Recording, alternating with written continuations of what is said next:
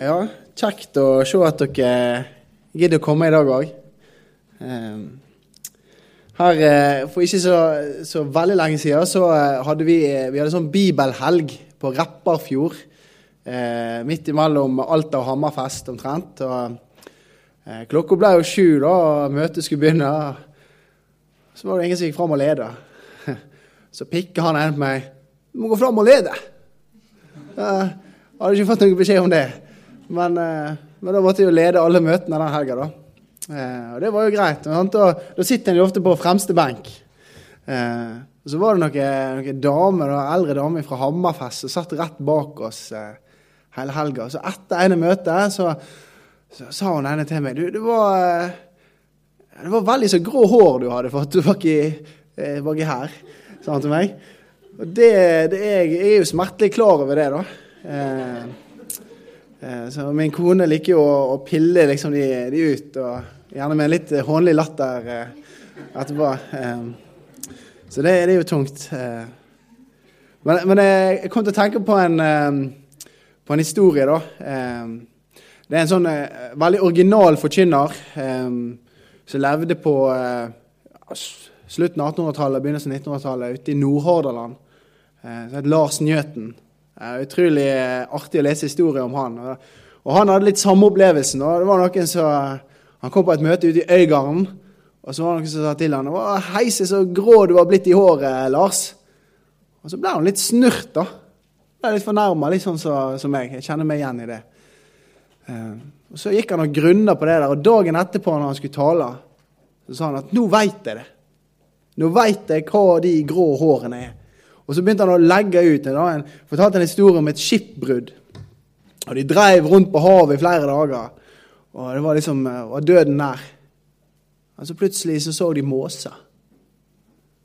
Og det er landfugler. Ja, de grå hårene er landfugler. Ja, det nærmer seg slutten, skal jeg si. Men ja men det, det, er jo noe med det. Sant? Vi er alle under forgjengeligheten. Du veit aldri hva som blir ditt siste åndedrag. Og da gjelder det å ha det i orden med Gud. Om du ser landfugler i håret ditt eller ikke. Da gjelder det å ha sin sak i orden med Gud. Og Det håper jeg at du som sitter her, har.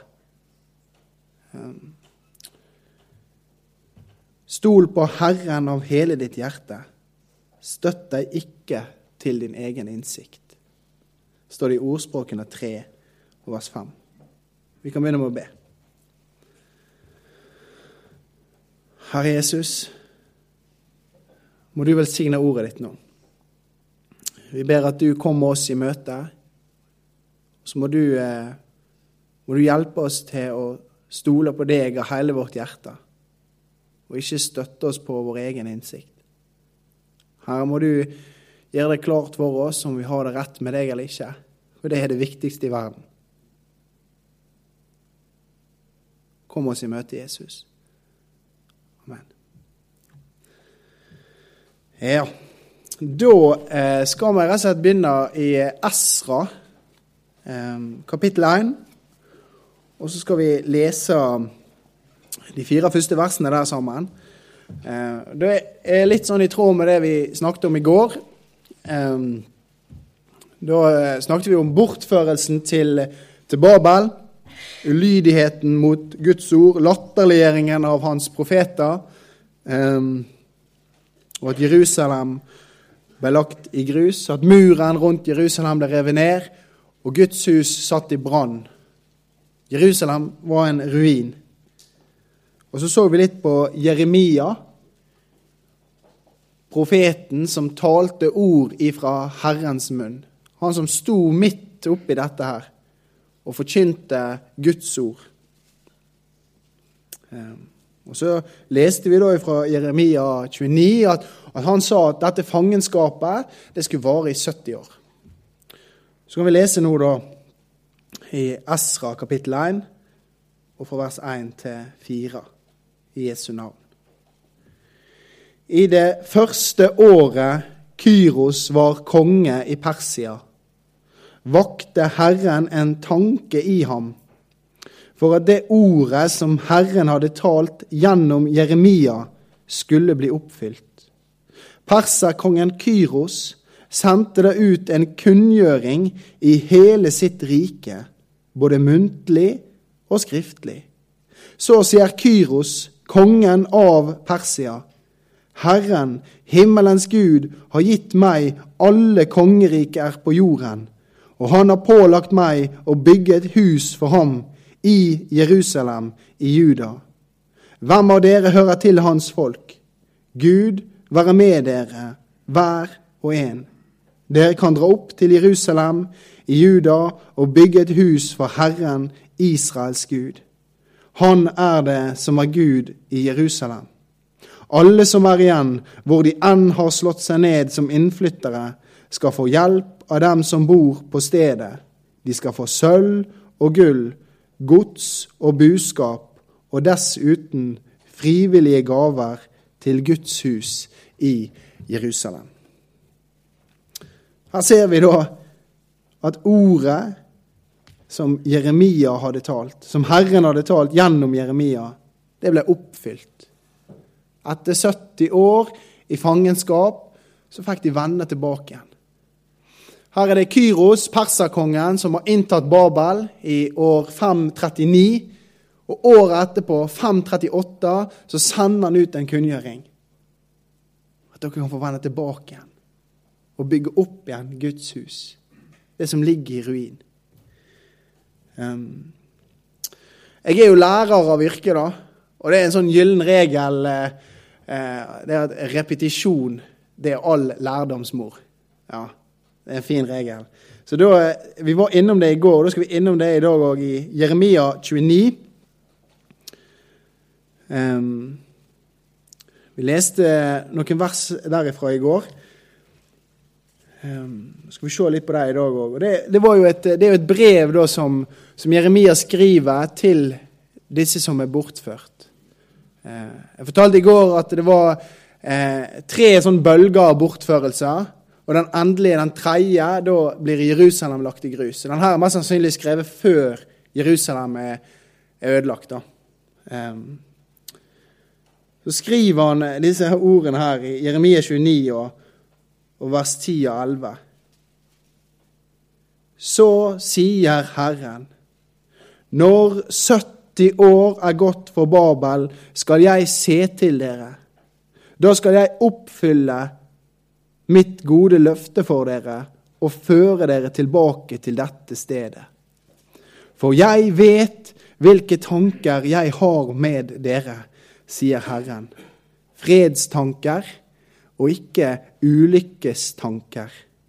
Jeg vil gi dere fremtid og håp. Det er jo et uh, utrolig flott vers, akkurat det der. Uh, jeg vet hvilke tanker jeg har med dere.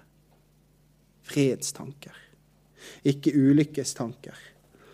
Uh, og Det er jo sterkt å tenke på at, at dette her, det skrev Jeremia til de som hånte han. Til de som latterliggjorde han. Så skriver han dette.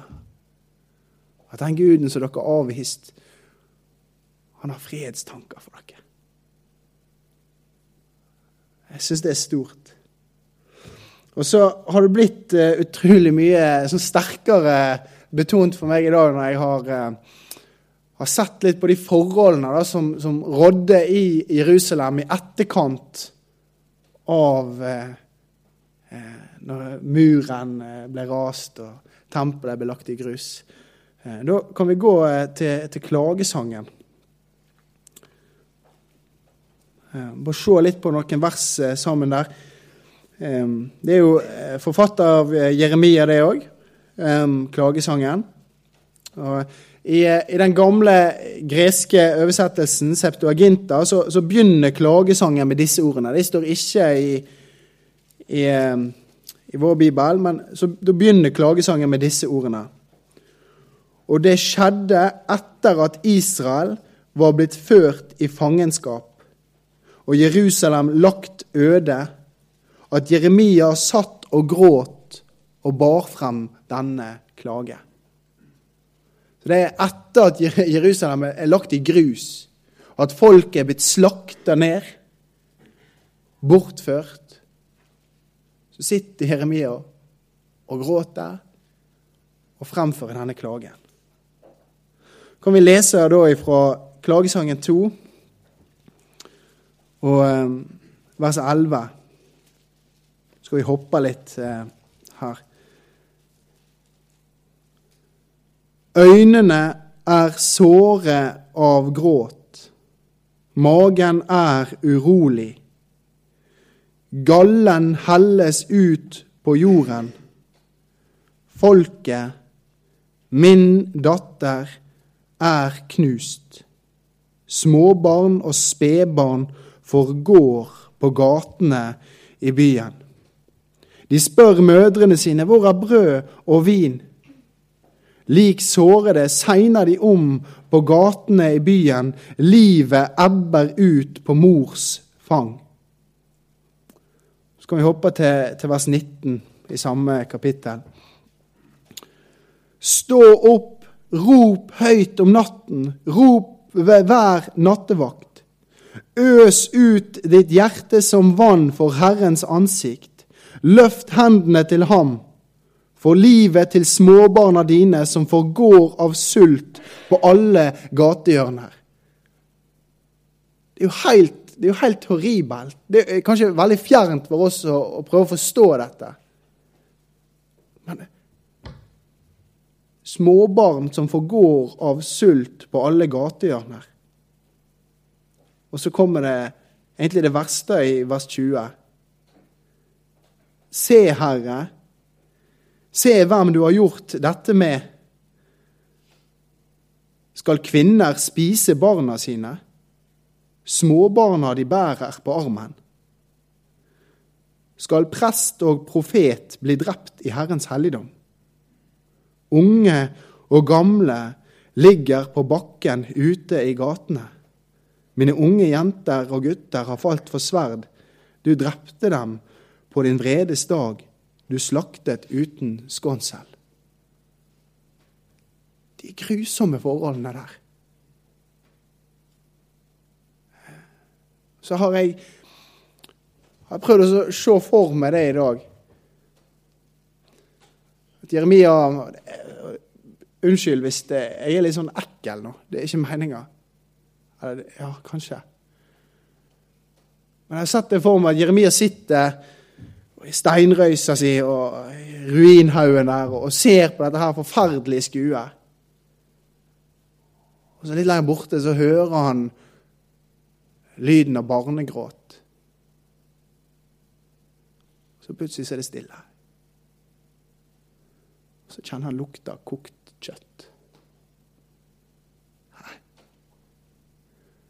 Og så vender han tankene tilbake til det som han skrev et par år i forveien. Jeg vil gi dere fremtid og håp. Fredstanker, ikke ulykkestanker. Og så er det så desperate forhold at mødre spiser barna sine. At småbarn forgår av sult. Folket forgår. Det er kaos. Det er død og fordervelse. Jeg vil gi dere fremtid og håp. Og så skriver han òg her i Klagesangen 3, fra vers 21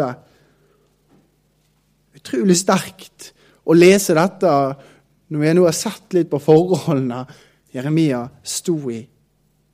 Og så skriver dette.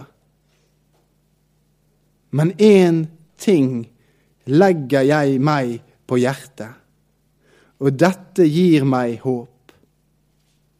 Herren er nådig. Vi går ikke til grunne.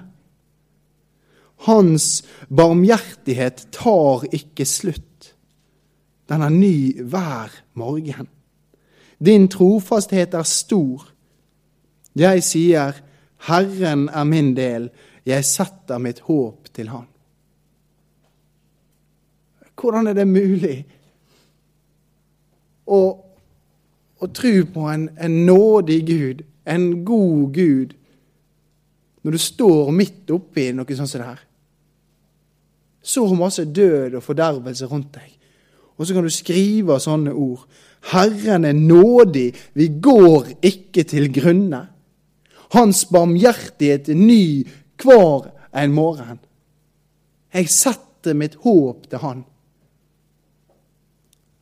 Hvordan er det mulig? Jeg kommer bare på én grunn, egentlig. Og det er at denne guden må finnes. Denne guden han må, han må være på ekte. Han må være sann. Han må, altså, Jeremia må ha kjent han. Og så må han ha klart å løfte blikket ut og vekk fra omstendighetene han står i, opp til en Gud som har gitt noen løfter. Han har gitt noen løfter om framtid og håp. Og Det ser jo helt bekmørkt ut. Det ser jo ut som alt håp er ute. Men likevel så har han en tro på at Gud er god. Han har satt sitt håp til en nådig Gud. Vi går ikke til grunne. Fordi denne guden fins. Og så ser vi da i Esra kapittel 1 og vers 1-4, som vi leste til å begynne med, at det stemmer. Etter 70 år i fangenskap, ja, så går det i oppfyllelse. Så får de vende tilbake igjen, og så får de bygge opp igjen Guds hus, Jerusalem. Det håpet som Jeremia hadde det var ikke et tomt håp. Og de ordene han skrev, det var ikke tomme ord bare for trøstens skyld. Nei, det var reelt. Det var virkelig.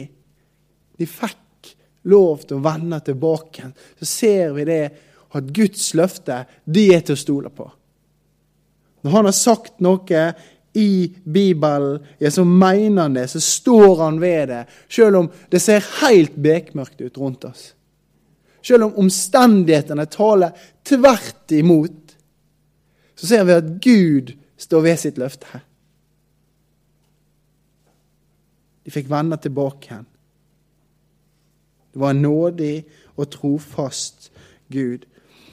Den som setter sitt håp til Gud, Uansett omgivelser, uansett hva du står i, så har du ikke satt ditt håp til et tomt håp. Men nå har du satt et håp til en levende Gud som virker, og som står ved sitt ord.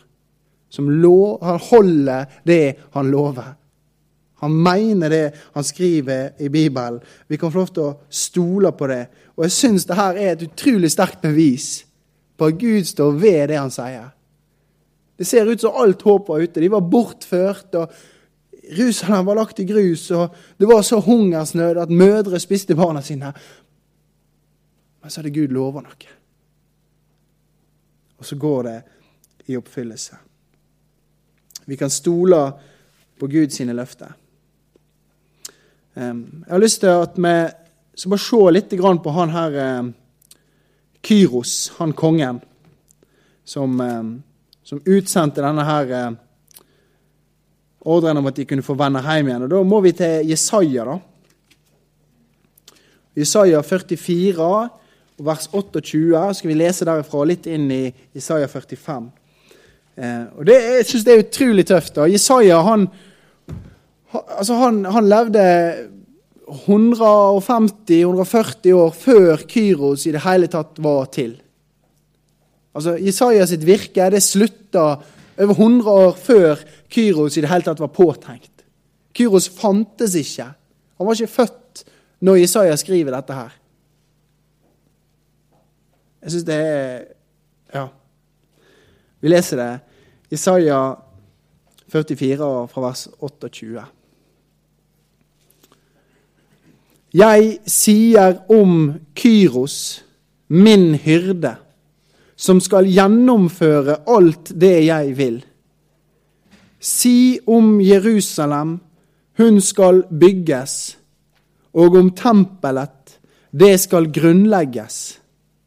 Så sier Herren til den han har salvet, til Kyros, som jeg har grepet i høyre hånd, for å tvinge folkeslag under ham og løse kongens belter, for å åpne dører for ham, og ingen port skal være stengt. Jeg vil gå foran deg, fjell vil jeg jevne ut, bronsedører vil jeg knuse, og jernbommer vil jeg hogge i stykker. Og Så leser vi òg bare vers 13 der, i samme kapittel. Det er om Kyros. Det òg. det det er jo så konkret. Jeg har vakt opp en mann i rettferd, og alle hans veier jevner jeg ut. Han skal bygge min by og sende mitt folk hjem fra eksil, uten betaling eller lønn, sier Herren over herskarene. Hæ? Er ikke det tøft? Jeg syns det er tøft, jeg. Si om Jerusalem hun skal bygges, og om tempelet det skal grunnlegges. Så sier Gud noe gjennom profeten Jesaja 150 år før det skjer, og så går det i oppfyllelse. Kyros inntar Babel, setter seg på trona, og året etterpå så sender han ut befaling. Vend hjem igjen. Bygg opp igjen. Og så sier Gud noe gjennom profeten Jeremia. 70 år skal fangenskapet vare. Og så når 70 år er gått, vend hjem igjen. Bygg opp igjen. Jeg syns det er sterkt. Um, og det her, eh, det her er ikke jeg er sikker på om det stemmer, da. Eh, jeg har ikke sjekka det, for jeg syns det var så bra at jeg ville ikke ødelegge illusjonen om at det stemte. Eh, men, men det, jeg, har, jeg, har, det en sånn Lutheran Study Bible som jeg fikk av en eh, kamerat. En sånn lutheransk studiebibel på engelsk. Og så står det da i en kommentar der om, om Kyros. Uh, han blir omtalt som den salvede her i Jesaja 45. Uh, det, Kristus er jo, er jo den salvede. Så sies det da at når Kyros kom til Babels porter, så, så åpna de bare dørene for ham. Og så fikk han uten krig gå og sette seg på trona. Og så sender han ut befaling om at folk skal, at jødene skal få vende hjem igjen. Og så når den sanne Herrens salvede, når Kristus kom til helvetes porter, så måtte de åpne. Og så satte han seg på tronen, og så han latt det lyde ut en befaling. Syndere kan få lov til å komme hjem til Gud. Du som er ufullkommen, du kan få lov til å komme hjem til Gud. Det har Gud sjøl sagt i sitt ord. At det er nåde å finne for syndere. Eh, fantastisk. Guds løfter de er til å stole på. Eh, og han har latt det lyde ut en befaling om at det er nåde for syndere. Nå er det, det er typisk sånn eh, predikanter de sier sånn helt til slutt, og så fortsetter de kjempelenge. Eh, men eh, det her er helt til slutt. eh, så jeg bare har lyst til å lese det, eh, innledningen i, i Romerbrevet. Eh, fra vers 1 der i kapittel 1 så gir vi oss med det.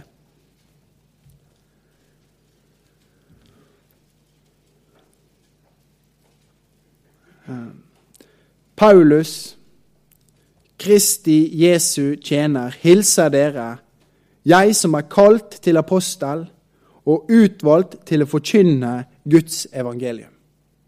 Og så står det i vers 2. Det som Gud på forhånd har gitt løfte om gjennom sine profeter i hellige skrifter. Det evangelium som Paulus forkynte, det er det Gud på forhånd gitt løfte om gjennom sine profeter i hellige skrifter. Så nå har vi sett det. Hvordan Gud har helt konkret sagt noe om eh, tilbakevendingen fra eksil. Og så går det i oppfyllelse. Hvor mye mer mener han det ikke når det gjelder evigheten her. Han har gitt et løfte gjennom hele Bibelen om en frelser som skal komme. Han har gitt et løfte om det. Det er evangeliet om Hans Sønn Jesus Kristus, vår Herre, som kommet som menneske av Davids ett og ved Hellighets ånd stadfesta som Guds mektige sønn ved oppstandelsen fra de døde. Uansett hva omstendigheter som rår i ditt liv, hva du står i nett nå, så finnes det en nådig Gud. Så finnes det en Gud som har gitt noen løfter om frelse, så du kan få lov å stole på. For Gud holder det han lover. Amen.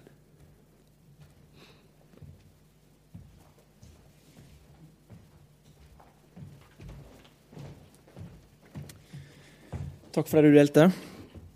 Eh, nå skal vi synge en